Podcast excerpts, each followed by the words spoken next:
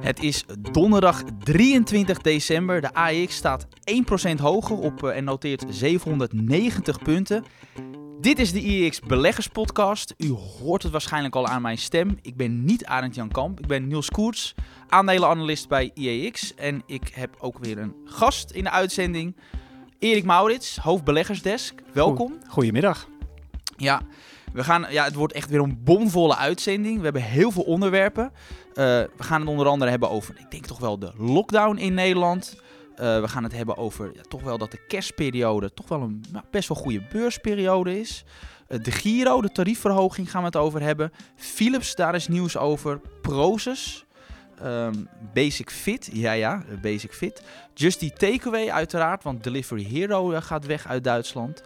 Uh, Ontex als daar tijd voor is. En ook nog Vagron en de banken. En uiteraard zijn er ongelooflijk veel lezersvragen binnengekomen. Dus die gaan wij ook uitgebreid behandelen. Erik, om uh, te beginnen. Wat viel jou op deze week? Toch weer uh, corona en dan meer specifiek Omicron. het blijkt toch wel echt langzamerhand dat dit, deze variant leidt tot minder ziekenhuisopnames, maar wel besmettelijker is. Dus het eerste is goed nieuws, het tweede is slecht nieuws. De markt beweegt daar een beetje op, op en neer. Maar de laatste dagen zie je dat het toch wel als positief wordt gezien. Zeker in combinatie met die, met die Pfizer-pil, uh, die uh, gisteren bleek uh, gebruikt te mogen te worden. En dat betekent misschien dat dit gaat leiden tot minder ziekenhuisopnames. Ja, maar maak je niet zorgen om die piek in die ziekenhuizen? Want het is weliswaar misschien wel iets minder besmetten of iets minder ziekmakend. Maar ja, als, als het drie, vier keer besmettelijker is, dan kan alsnog die pieken in die ziekenhuizen kan alsnog hoger uitkomen. Dus zouden overheden er alsnog voor kunnen kiezen om toch strenge maatregelen door te voeren. Ja, exact. Dus het gaat erom, als het inderdaad drie keer zo besmettelijk is, maar leidt tot drie keer zo minder weinig uh, ziekenhuisopnames, heb je er per saldo niks aan. Dus daar gaat het om, om die balans. Maar hopelijk op termijn, en je ziet ook wel in Zuid-Afrika dat ze nu eigenlijk geen lockdown nodig hebben en dat het aantal ziekenhuisopnames echt afneemt daar. Hopelijk betekent dat dat we over enkele weken, maanden uh, er een beetje uit zijn. En dat is natuurlijk ook het voordeel van een besmettelijke virus. Je bent er ook wat eerder uh, vanaf. Je bent ook snel klaar. Ja, exact. Dus uh, is dat misschien ook een van de redenen waarom bijvoorbeeld, we, hadden een, we hebben een lockdown in Nederland, dat bijvoorbeeld een Ahold die daarvan hoort te profiteren, ja, deze week niet is gestegen in koers? Dat zou kunnen, al weet ik niet helemaal zeker of de Ahold-belegger echt eh, meteen één op één denkt... hey, in Zuid-Afrika minder ziekenhuizenopnames, dus ik ga nu Ahold verkopen.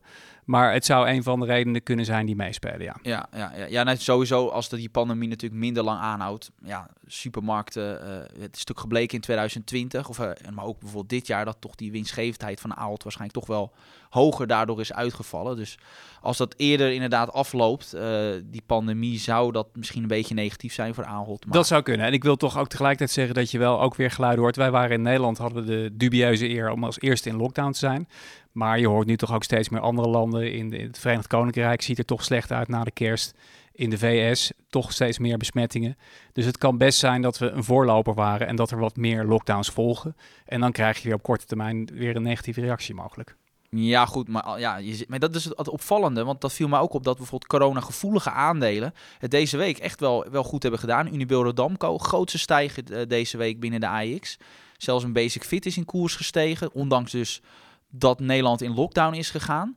Dus als je daarnaar kijkt, zou je denken, ja, de markt is gewoon best wel positief over, uh, over de recente data van dat Omicron-virus. En de markt heeft altijd gelijk. Dus laten we hopen dat dat ook dit keer. Dat zou, dat zou heel mooi zijn, ja zeker. Uh, maar sowieso de AX deze week ongeveer toch wel uh, mooi omhoog. Um, wat mij sowieso opvalt, en dat, dat, dat, bleek ook uit een onderzoekje van Robert Manders van IG, die we ook wel vaker in de uitzending hebben, dat de kerstperiode eigenlijk wel een hele goede periode is uh, voor de beurs. Kun jij dat verklaren? Ja, als daar over dat soort dingen een fundamentele verklaring is, vind ik het altijd wel interessant. Uh, dus als je, soms heb je van die onderzoeken, dat zijn gewoon data mining. Weet je, elke dinsdagmiddag tussen drie en kwart over drie doet de AX het goed. Ja, daar heb ik niet zoveel aan als ik geen reden weet.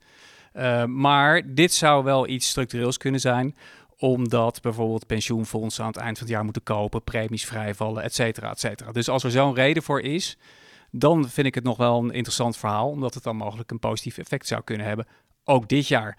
Tegelijkertijd denk ik dat veel beleggers nu toch vooral kijken naar uh, inflatie, uh, omicron, dat soort data, dat dat nu iets zwaarder weegt dan een historisch koerspatroon. Ja, want, want, want- ja, maar toch is best wel significant, want eh, had het onderzocht. De periode 17 december, 2 januari, dus maar drie weken, doet de AX dus gemiddeld 2,7% rendement. Dat is echt heel fors.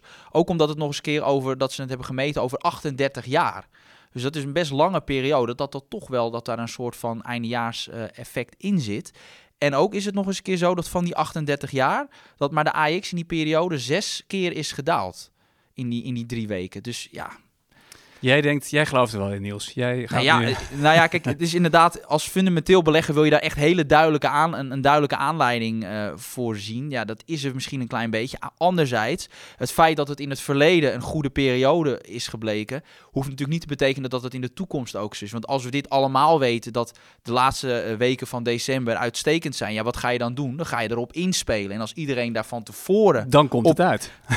nou nee, nee, als iedereen van tevoren daarop inspeelt, gaat dat effect er uiteindelijk loopt dat eruit. Want je hebt dan al in die bijvoorbeeld dan wordt misschien de eerste week van december beter, omdat we dan meer inspelen op een Ja, oké. Maar je kan ook zeggen, als iedereen denkt het gaat omhoog, gaat iedereen kopen. En daardoor gaat het omhoog. Ja, maar dan Maar- eerder. Ja, dat kan. Dat, Maar- kan. maar goed, dat ja, hebben we nog niet gezien. Maar nee. het, het, het zou kunnen uitkomen. Maar ik denk eh, nogmaals dat die, het zou een effect kunnen zijn. Maar ik denk dat eh, de meeste beleggers toch ook nu naar andere dingen kijken. Ja. Ja, wat mij verder opviel, veel brede eh, nieuws over de brede markt was er niet. Je merkt ook wel dat ja, het is eind december en dan, dan eh, ja, geraakt dat nieuws een beetje, raakt een beetje op. Eh, maar toch was er wel veel bedrijfsnieuws. Onder andere hebben we gehad eh, Philips vandaag eh, met, met, eh, met nieuws. Ik ben zelf de ana- analist van Philips, dus ik keek er ook wel. ja, ik, ik las dat vanochtend. Ik dacht van, nou, in eerste instantie interessant. Ja, precies. Dus dat, dat nieuws over die, dat schuim van de slaapapneuapparaat. Je zegt het zelf al, het is jouw aandeel. Jij volgt dat. Ja. Maar dat lijkt onder normale omstandigheden tot niet al te veel gezondheidsschade te leiden. Ja, maar dan, dan zeg je het al goed, onder normale omstandigheden. En wat, wat is natuurlijk het probleem bij Philips? Dat dat is afbrokkeld. Hè, in bepaalde apparaten, eh, die slaapapneuapparaten, is dat afgebrokkeld. En wat weet Philips nou nog niet? Of ook bij dat afgebrokkelde eh, schuim, of er dan schadelijke eh, stoffen vrijkomen. Ja, ik zag vanochtend de beurs, de- Philips opende zoiets 6, 7 procent hoger. En je ziet dat er wel een beetje uitlopen, dat, dat effect. Ook omdat, ook, ik heb, keek ook wat dieper naar het nieuws. Ik zie dat ook nog niet als een gamechanger.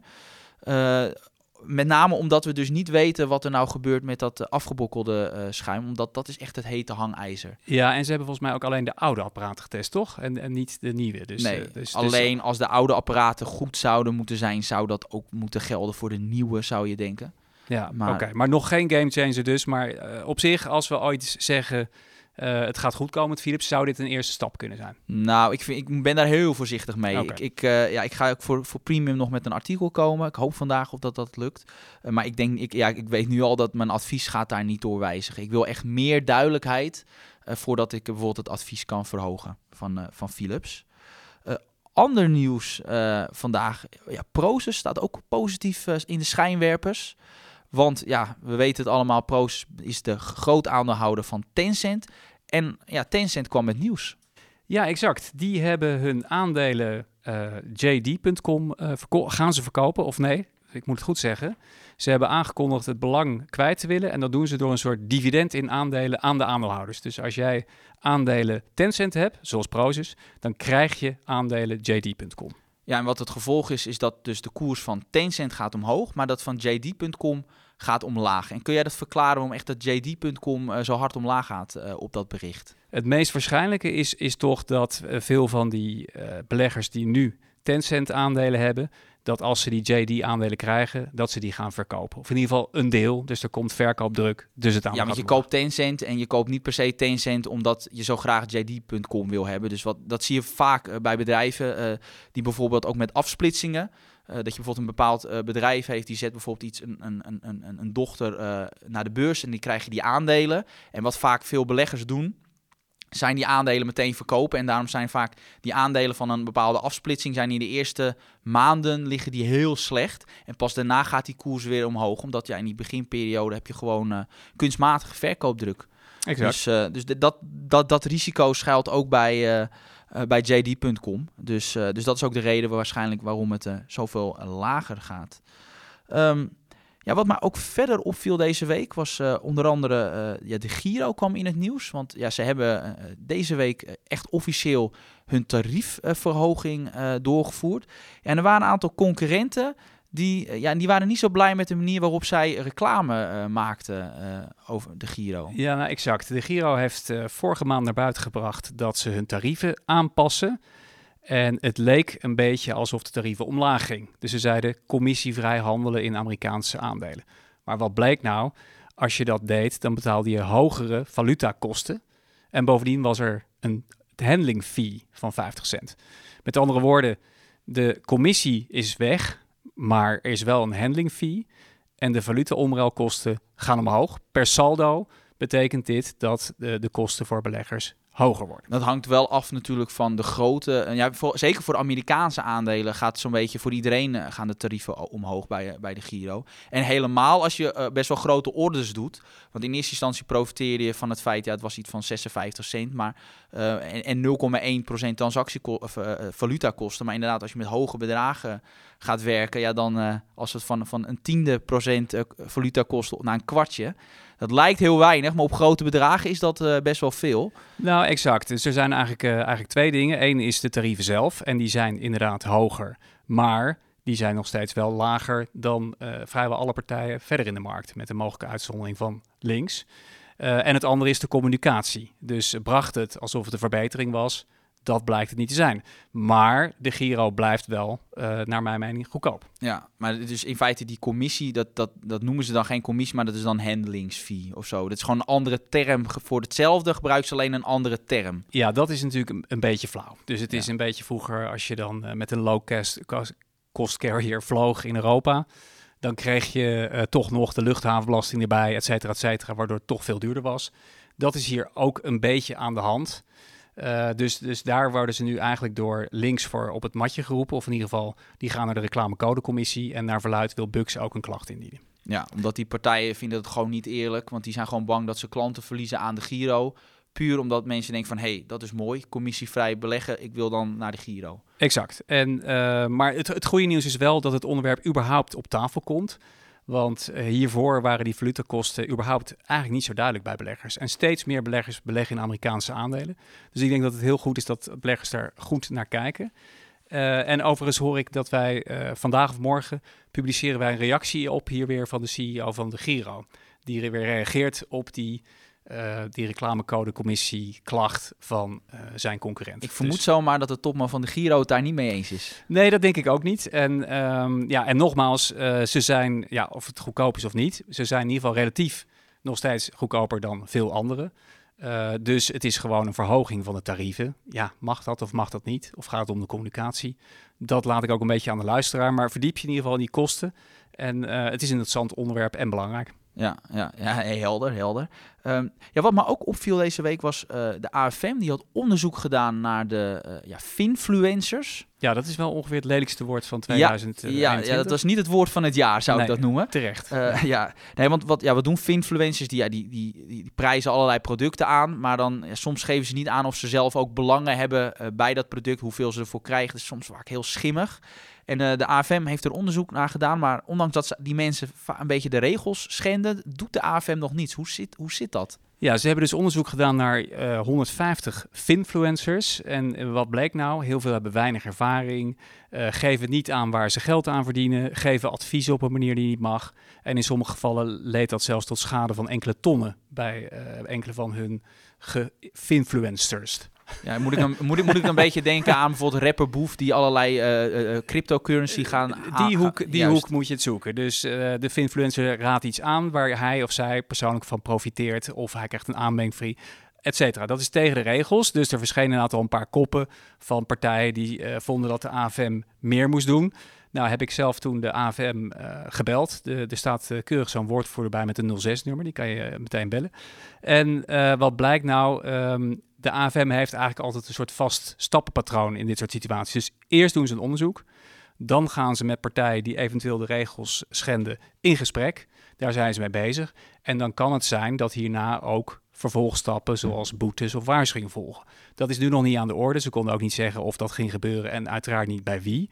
Maar het is dus volgens mij niet zo dat ze niks doen. Ze hebben gewoon de eerste stap genomen. Ze hebben ze nu het vizier. Ze hebben ze gewaarschuwd.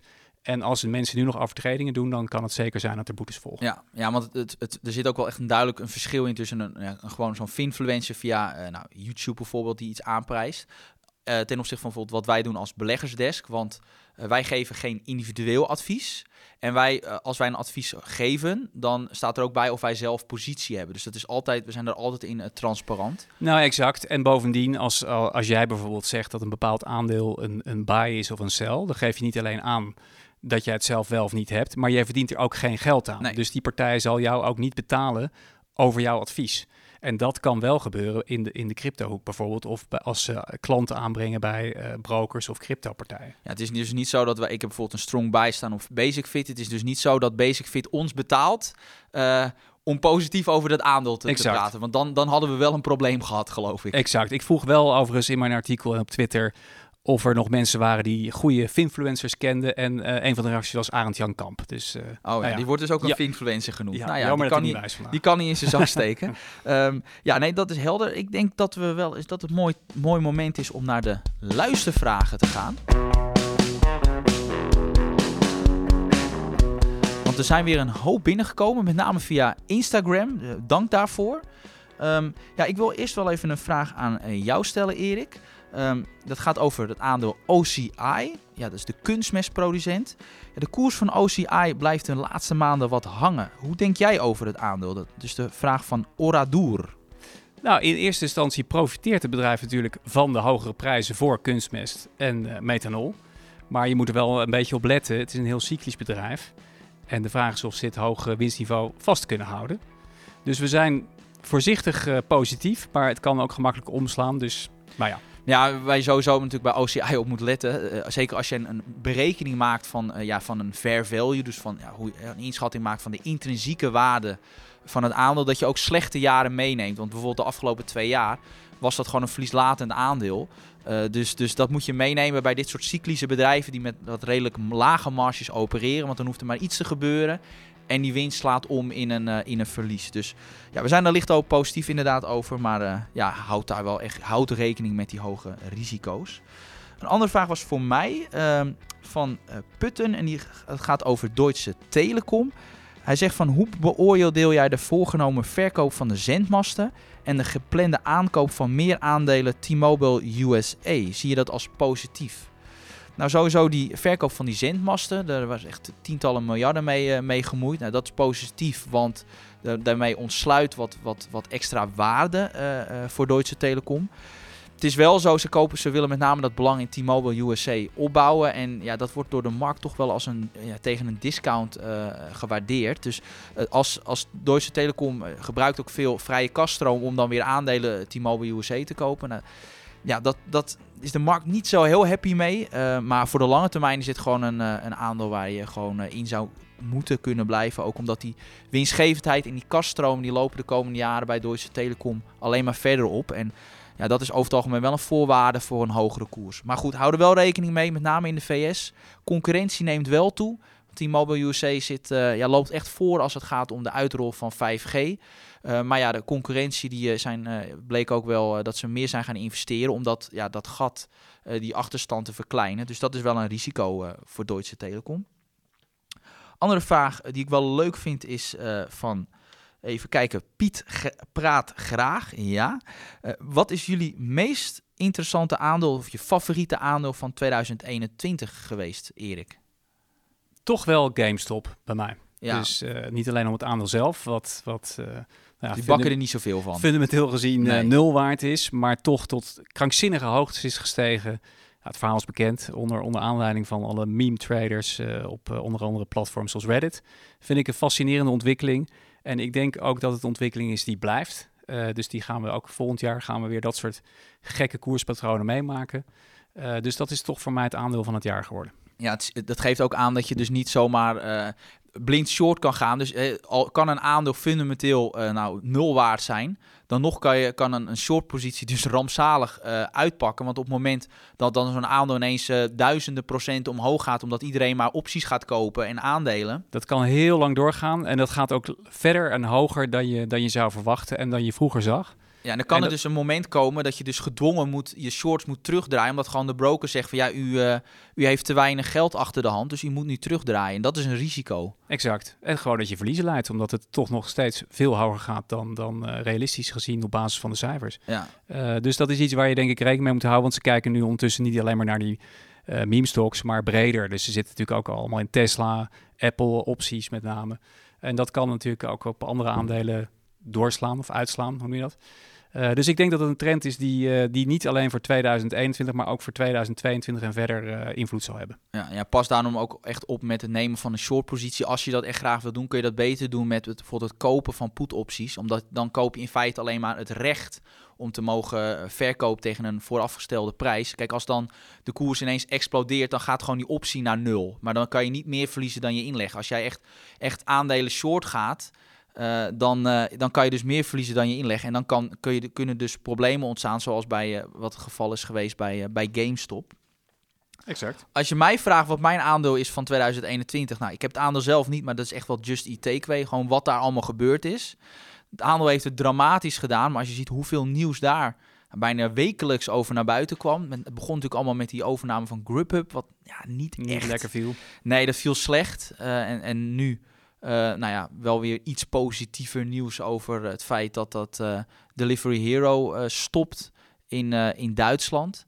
En dat is wel interessant als je kijkt naar die markt van Just Eat Takeaway. Dat het geeft aan hoe moeilijk het is om zo'n volwassen... nou, het is nog geen volwassen markt, maar om een nieuwe markt als kleine speler dus te betreden. Dus in een markt, in die maaltijdbezorgingsmarkt, waar je dus, waar dus al een paar grote partijen echt actief zijn. Als je daar dan nog je tussenin wil vechten, eh, hoe, dat, geeft aan, dat is bijna niet meer te doen in die, eh, in, in die grote markten. Dus- Nee, het is duidelijk een, eh, een winner-takes-all markt.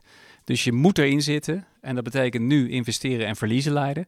Maar dat betekent dus ook dat de waardering extreem ingewikkeld is. En dat zie je ook dat allerlei analisten en ook be- privébeleggers gewoon moeite hebben om in te schatten wat is zo'n bedrijf nou waard. En eh Just Eat Takeaway is volgens mij het slechtst presterende aandeel van de AX dit jaar geweest. ja, ik, ik geloof het wel, ja. Eh, ja denk klopt. ik, denk ik. Dat Dus ondanks dat 2021 gewoon een corona, coronajaar is. Exact. En, en de waardering ligt ook lager dan van concurrenten.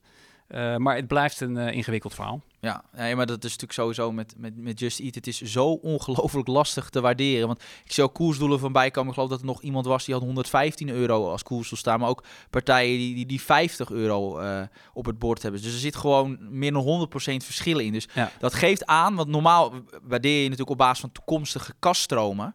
Daar, op basis daarvan maak je een koersdoel. Nou, zo'n vrije kaststroom, dat is bij, bij Just Eat Takeaway hartstikke negatief. Ja, dan ga je natuurlijk niet zeggen, als je op basis van de komende jaren, als dat nog steeds negatief is, is het niet zo dat Just Eat een negatieve waarde heeft. Dus dat is ongelooflijk lastig. Eh, en daarom ja, hou ik mijn handjes er ook een beetje... Ja, ik heb helaas zelf eh, wel een privépositie, eh, toch in Oh. het kader van de AFM-regels, dat maar meteen aan te geven. Maar eh, dat Op was, welk niveau heb je ze gekocht? Eh, volgende onderwerp. Nee, rond de 70. Oh, nou ja, Ja. het kan erger. Want je kon Ja. ze ook boven de 100 kopen. Nee, dat was op aanraden van een influencer. Nee, hoor, Ah. nee. Eh, andere vraag is van Rick. En ik denk dat het ook wel. eh, nou, deze vraag zal denk ik ook nog wel voorbij komen door bij veel. veel even kijken. Deze even weg. Ja. De volgende vraag is van Rick. En hij vraagt: Is het aan te raden om na corona eens een algemene vergadering voor aandeelhouders te bezoeken? Oftewel de AVA. Goeie vraag. Ik heb eerlijk gezegd zelf nooit een AVA bezocht. Maar ik denk als je geïnteresseerd bent in het aandeel en ook wil kijken eh, ja, wat, wat, zeg maar, wat ze zeggen, wat hun verwachtingen zijn, om een beetje de sfeer te proeven, kan het een leuk idee zijn. Maar het is naar mijn mening niet cruciaal om eh, goed te beleggen of iets dergelijks. Maar N- nee, ja. die- het is zeker ook niet cruciaal. Het is wel zo als je een wat breder beeld wil van het bedrijf. Je krijgt, ik denk als je erbij bent, dat je een iets beter beeld krijgt van wat het bedrijf precies doet. An- anderzijds, dat staat natuurlijk ook gewoon vaak in het jaarverslag. Daar staat ook een hele hoop in. Eh, ja, zie het vooral ook als een gelegenheid om, om bijvoorbeeld het management eh, de vragen te stellen. Hè. Als, als individuele belegger is dat toch wel vaak wat lastiger. Eh, en zo'n AVA is daar, biedt daar een mooie gelegenheid voor. Ik ben zelf ooit één keer geweest, dat was bij Ajax. Ik wil dat gewoon eens een keer meemaken. En wat mij met name opviel was inderdaad dat er gewoon aandeelhouders zijn die echt alles weten van zo'n bedrijf. Echt op de. Ja het, is, ja, het is op papier een bedrijf, Ajax, in plaats. En die echt gewoon echt zo eh, gedetailleerd alles weten. Dus dat vond ik wel interessant. Eh, en ik kreeg ook zo'n kalender mee waar ik niet zoveel aan had. Maar dat is een beetje wat mij is bijgebleven bij, bij Ajax. Ja. Ehm, Nu een vraag van Koen Verwij. Nou, wellicht wel de schaatser. Uh, in een van jullie laatste podcast hadden jullie het over gratis geld. En ja, ik zag ook iets voorbij komen. Dat gaat over uh, de lendingplatformen zoals Nexo en Celsius. Zij bieden uh, leningen aan van rond de 6 à 7 procent. Met gegarandeerd rendement in stablecoins. Ja, dit klinkt mij als gratis geld, zegt hij. Wat, hoe, hoe, hoe kijk jij daar tegenaan, Erik? Als er ergens staat gratis geld, dan gaan er in principe mij altijd alarmbellen af. Ook gegarandeerde rendementen. Gegarandeerd dat is ook een... en ook stablecoins. Dus ja. een stablecoins, daar zit, dat, daar kunnen, uh, daar moeten eigenlijk achter echte valuta zitten, waardoor het stable blijft. Dus uh, daar moeten eigenlijk dollars tegenover staan. Maar het is nog een grijs gebied. Het is nog niet heel goed gereguleerd. Sommige van die platforms blijken toch niet dan voor 100% dollars eronder te hebben. Um, dus ik, ik zou zeggen, uh, als je risico wil nemen, kan je hier ongetwijfeld naar kijken. Maar zie het niet als gegarandeerd rendement. Nee, kijk, als, als het echt risicoloos was geweest, dan was de, de rente nul geweest. Of eigenlijk negatief, want dat is nu de risicovrije rente. Dus, uh... Exact. Dus dat kan niet dat dit risicoloos is. Nee. Uh, nou, ik denk dat het een duidelijk antwoord is. De laatste vraag is van Julian Knevel. En dat gaat over studiefinanciering. Hij zegt, ja, ik ga volgend jaar een studie fiscaal recht doen. En dan kan ik gebruik maken van studiefinanciering. Is het slim om maximaal bij te lenen en dit geld dan te gaan beleggen? Erik. Vind ik een moeilijke vraag, uh, in alle eerlijkheid. Dus in hoofdlijnen zou ik zeggen nee. Je moet dat geld gebruiken voor je studie. En uh, beleggen is alleen voor de lange termijn met geld wat je kan missen. Ja, je leent tegen 0%. Je leent tegen 0%. Uh, maar goed, ik weet dus niks van Julian af. Wat je ook hoort is dat studenten doen om bijvoorbeeld in crypto's te beleggen. Omdat als je dat beleggen wil noemen. Dat lijkt me sowieso niet verstandig.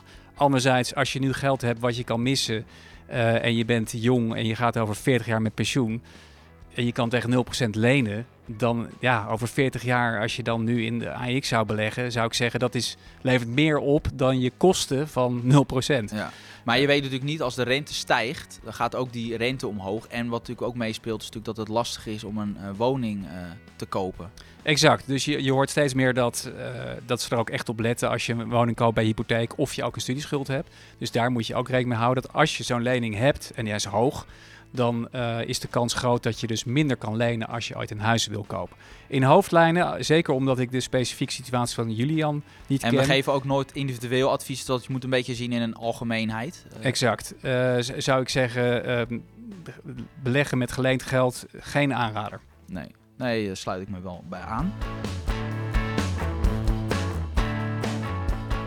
nou, dat waren ze, de, de luistervragen. Um, ja, we hebben nog een aantal aandelen die we, we gaan behandelen. Onder andere, ja, toch, ja, ik wil hem toch noemen, Basic Fit. Want ik, toen ik het nieuws, uh, toen ik het zaterdag hoorde van, uh, ja, van de harde lockdown in Nederland, dacht ik van nou, dat kan wel eens een lastig weekje worden voor uh, Basic Fit. Omdat ja, 22% van hun sportscholen is in zijn in Nederland gevestigd. Maar de koers staat geloof ik 3% hoger deze week. Dus dat valt heel erg mee. Um, nou ja, die verklaring hebben we natuurlijk al een beetje gegeven. Dat is natuurlijk wat, wat beter nieuws naar buiten gekomen over, over Omicron. Ik denk dat dat ook meespeelt. Anderzijds, ik had uh, voor Premium een, uh, een klein berekeningetje gemaakt van wat het Basic Fit nou ongeveer gaat kosten. Nou, als ze uh, twee maanden dicht zijn, in Nederland kost het ongeveer 8,8 miljoen aan, ja, aan cash burn. Dus eigenlijk gaat je kaststroom daardoor met ongeveer 8,8 miljoen mee omlaag.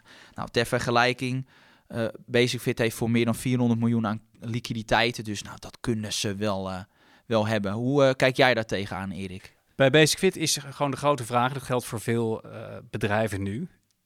Is corona eigenlijk iets wat nooit meer weggaat? Of nooit meer, laat ik niet te negatief zijn, maar iets wat we in ieder geval de komende jaren nog mee gaan maken. Dan is dat natuurlijk een heel slecht verhaal, vind ik, voor Basic Fit. Maar de lange termijn, ja, de trend van mensen die steeds meer willen fitnessen, et cetera, et cetera, die is positief. Maar het is een soort afweging. Het is een aandeel wat jij volgt. Ik weet niet hoe jij dat ziet, maar ik denk dat dat een belangrijk uh, punt is voor Basic Fit. En, en uh, ik heb daar helaas ook niet het antwoord op. Maar als we natuurlijk lockdown na lockdown krijgen, ja, dan is het nu even niet, gaat, zo, niet gaat, zoveel cash. Maar dan, dan is het uiteindelijk natuurlijk als lockdown nou lockdown gaat worden de komende jaren, dan gaat Basic Fit geen winnaar worden. Nou, dat... exact. Dus je moet eigenlijk een soort inschatting van maken of, of uh, het coronabeleid, uh, CQ alle vaccinaties aanslaan of niet. Of dat de volgende variant nog minder besmettelijk is. Ik weet niet wat, maar dat is, dat is de grote is, vraag. Dat is ongelooflijk lastig en dat is voor mij ook de reden dat ik gewoon liever kijk naar die lange termijn. En in principe fundamenteel ja, ben ik wel enthousiast over dat bedrijf. Met name ook omdat die lange termijn trends heel gunstig zijn. Van, ja, het is gewoon algemeen bekend. Ik zie zelfs heel veel oudere sporten Want ja, we worden allemaal ouder. Ja, en dan zal ook eh, een, een huisarts zeggen als je ergens last van hebt van bijvoorbeeld je rug. Ja, van ga even wat meer sporten, want dan train je je spieren. Nou ja, sterker nog, bij corona geldt ook dat fitte mensen schijnen gemiddeld genomen minder kans te hebben op ernstige complicaties. Dus het is nog een reden om te gaan sporten, zou je zeggen. En maar, nog een reden om sportscholen niet, niet dicht te zetten. Ja. Nee, dat vind ik ook jammer, maar goed, dat is een andere discussie. maar dat is dus een, dat is het groot, de grote vraag die over het aandeel heen hangt. Ja. En, en uh, ja, dat, dat, daar moet je zelf een inschatting van maken. Maar je ziet in ieder geval op korte termijn is het daarmee wel een aandeel wat meebeweegt op uh, nieuws, op Omicron of, of corona in het algemeen. En, en daarmee voor de korte termijn belegger best een interessant aandeel om, uh, ja, als het, als het sentiment keert, te, te kopen dan wel te verkopen. Ja, Nee, helder. Um, ja, wat mij, uh, een type categorie aandelen die wij nooit zo vaak behandelen in deze podcast, dat zijn de banken. Daar heb ik ook best wel veel kritiek over gehad. Want er zijn blijkbaar toch wel veel luisteraars die, uh, die veel posities hebben in bankaandelen. Want wat mij opviel, ik keek daar even naar. Dit jaar, ING en ABN AMRO, bijna 60% hoger. Ik denk na, met de dag van vandaag zelfs over die 60% heen. Dat zijn enorm hoge rendementen. Zie jij daar nog kansen, Erik, bij banken? Ja, nou, je, je kan je afvragen of het niet al een beetje gespeeld is. Vorig jaar was het natuurlijk een heel slecht jaar voor banken. Ze konden geen dividenden uitkeren. Uh, maar dit jaar wel. Dat is een van de redenen denk ik dat het uh, omhoog is gegaan. En in feite is de mogelijkheid van hogere rentes is ook over het algemeen positief voor banken. Omdat in die rentemarge wat omhoog gaat. En uh, met name nu hebben ze natuurlijk veel last van een negatieve rente. Als zij geld stallen bij de ECB, bijvoorbeeld ING, moeten ze daar rente over betalen. Ja, dat is nog niet afgelopen, vrees ik. Ook niet op de korte termijn. Maar op termijn, als inderdaad uh, de centrale banken het beleid wat, wat verkrappender wordt, dan zou dat positief moeten zijn voor banken. En ik las vandaag ten aanzien van het dividend ook dat uh, ING bijvoorbeeld in 2020 moesten ze, mochten ze geen dividend uh, betalen. Maar dit jaar hebben ze 3,2 miljard betaald, of gaan ze betalen. En dat is meer dan in 2019. Nou, dat is natuurlijk super positief. Dus die dividenden gaan, gaan toenemen, ook de komende jaren. Uh, maar ABN AMRO, ABN AMRO daar tegenover, die hebben nog steeds minder dividend uitgekeerd dan voor corona. Um, dus die, ja, dat is waarschijnlijk omdat de winst wat achterblijft bij ABN AMRO. Maar er is ook nog steeds het verhaal dat zij op zoek zijn om een andere partij over te nemen in Europa. En dat ze misschien daar wat geld voor opzij willen houden in plaats van aan dividend uit. Is ABN AMRO niet gewoon zelf een overnamekandidaat? Dat, dat zou heel goed kunnen, maar dat ligt natuurlijk gevoelig. Uh, de, de, de, staat heeft natuurlijk uh, een enorm belang. En uh, ja, die willen er niet uit, denk ik, onder ja. hun aankoopprijs. Nou, nee, dat, dat is, daar, dat daar is zijn we nog net niet. dus het is een gevoelig onderwerp, maar dat, dat ben ik persoonlijk met je eens. maar goed, dus de, als, als dat een kandidaat is, dan is het misschien interessant. Maar als zij andere partijen gaan overnemen, ja, dan is de vraag of dat nou specifiek een interessant aandeel is op dit moment. Ja, nee, zeker op de lange termijn zijn we ook als beleggers niet heel erg enthousiast over dat verdienmodel. Uh, die, met name die, rente, die druk van de marges die op die rentemarge. Ja, we vrezen dat dat toch ook op lange termijn een beetje blijft aanhouden. Ook omdat er heel veel partijen zijn die tegenwoordig ja, uh, leningen kunnen verstrekken. Dus uh, ja, we zien daar gewoon die concurrentiepositie verslechteren van banken. Maar in ieder geval bij ING, dat dividend is natuurlijk wel interessant. Ja, ja. ja klopt. Ja. Maar je, we hebben ook in 2020 gezien, er hoeft maar iets te gebeuren. En ze moeten natuurlijk stoppen met het dividend. Want dat geldt voor al die banken als het slechter gaat, ze willen niet uh, dat er een onderscheid dat de ene bank wel gaat betalen en de ander niet. Want dan kan het toe leiden dat mensen denken, hé, dan moet er iets met bijvoorbeeld die ene Italiaanse bank wel iets aan de hand zijn. Dus halen we daar ons geld weg. Daarom is er ook echt zo'n beleid van als er echt iets aan de hand is, ja. alle banken niet uitkeren. Ja. Want dan wek je ook niet de indruk welke... dat het slecht gaat met die Italiaanse banken. Nee, precies. Dat, dat zouden we niet willen denken. Nee. Dus uh, nee, maar daar, ja, dat is een beetje onze, ja. onze mening daarover. Ander aandeel, uh, ja, dat is ook wel eens aan bod gekomen. Dat heb ik ook in het verleden in de podcast getipt. Dat is Vagron. En daar kreeg ik ook wel vragen voor van lezers. Van ja, dat aandeel, dat heb je wel getipt, maar dat ligt er zo slecht bij. Um, ja, dat is voor de mensen die niet weten wat Vagron uh, doet. Dat zal, kan ik nog wel begrijpen hoor. Ze zijn uh, wereldmarktleider op het gebied van farmaceutische bereidingen. Dus wat zij in feite doen, is hun taak is dat ze ja, het medicijn perfect aansluit op de behoeften van de gebruiker. Dus stel dat jij als, als, als, als, als patiënt een bepaald medicijn nodig hebt op maat, dan ja, bereiden, bereid uh, maakt in feite uh, Vagon maakt dat voor je klaar. De belangrijkste klanten zijn daardoor ook ziekenhuizen. Alleen wat je ziet, en dat die koers die, ja, die valt echt best wel tegen. En dat zit er met name in het feit dat de resultaten in Europa onder druk staan. En dat komt omdat er een, een topman is geweest die, die was eruit gegooid. En die dacht van nou laat ik eens bij de concurrent aan de slag gaan. En die, die, die die is aardig bezig en die, eh, die pakt echt wel marktaandeel af. Bij welke concurrent is dat? Dat is ACE Pharma. Ja, en die, ja, die, die pakken gewoon marktaandeel af van Vagron. Nou, het is, het is niet het einde verhaal voor Vagron, want met, waar het wel heel goed gaat is met name in Noord-Amerika. Daar trekken de resultaten behoorlijk aan. En ook hetzelfde geldt voor Zuid-Amerika. Alleen daar hadden ze het afgelopen jaar nogal wat eh, pech met eh, een valuta die veel minder waard werd. Want toen hadden ze op een gegeven moment van 30% meer, meer omzet. Maar als dan die valuta ook een derde in waarde eh, verliest, dan heb je op per saldo nog steeds niks. Eh, dus op de lange termijn ben ik, gewoon, ja, ben ik gewoon positief over de markt voor een gepersonaliseerde medicijnbereidingen. Ook omdat we worden met z'n allen ouder. We, gaan, ja, we hebben gewoon eenmaal meer ziekenhuisbezoeken. Dus ik verwacht ook dat, dat Vagron daarvan profiteert. Dus ik blijf zeker enthousiast over dat aandeel. Een aandeel ja, waar altijd de meningen over verdeeld zijn, eh, dat is altijd Tesla. De een vindt het helemaal niks en de ander vindt het eh, helemaal fantastisch. Ik ga daar volgend, eh, volgende week met Paul Weteling ga ik daar echt wel wat meer uitgebreider ga ik erop in op Tesla. Maar er was nieuws, want Musk die zegt ik ben klaar met verkopen. Ik heb 10% van mijn aandelenpakket heb ik verkocht. En eh, ik vind wel welletjes. Ja, precies. Nou, hij heeft een nogal groot belang. Dus als hij 10% verkoopt, dan heeft dat impact op de markt. En eh, dat gebeurde ook. Dus Tesla ging omlaag. En sinds die heeft aangekondigd dat hij gestopt is met verkopen, is de koers eh, omhoog gegaan. Ja, woensdag plus, wat was het? 8, 7 à 8 procent omhoog. Wat is, wat is wat jou betreft echt de belangrijkste reden waarom, waarom die markt zo enthousiast reageert op dat bericht van hem? Nou, het is toch natuurlijk een teken dat hij eh, positief is en blijft. Dus ik bedoel, als hij nou had gezegd, uh, dat hij weer een Twitter-polletje had gedaan, zal ik nu nog een keer 10% verkopen? Uh, wat niet ondenkbaar is dat hij zulke vragen aan zijn volgers vraagt.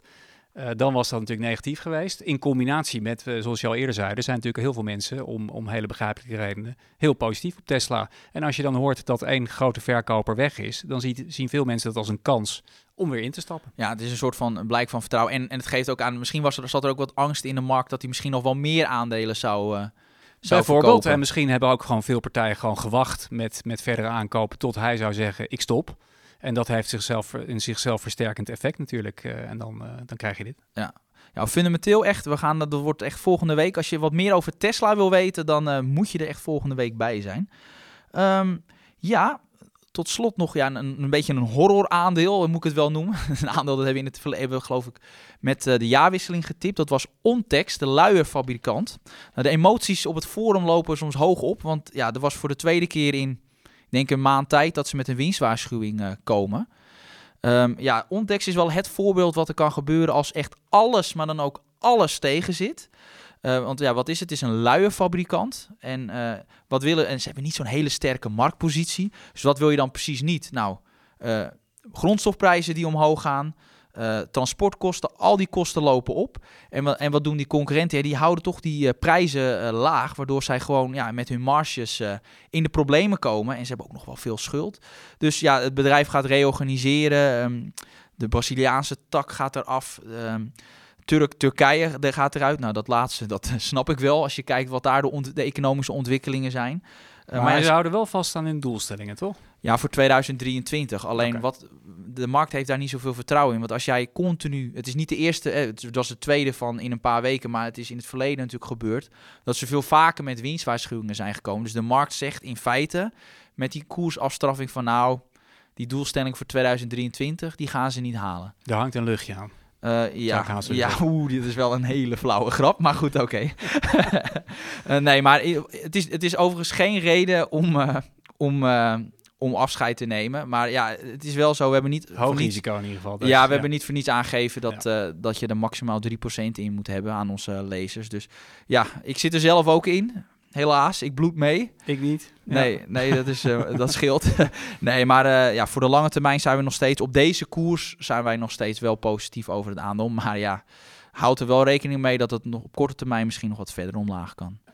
Nou, we hebben alle onderwerpen besproken. Ik denk uh, het ook. Ja, ja, ja nou, tot slot, ja, we willen natuurlijk, ja, dat kan ook bijna niet anders. We willen iedereen fijne kerstdagen toewensen. Geniet ervan uh, met elkaar. Niet met te veel mensen, want dat, uh, dat mag niet.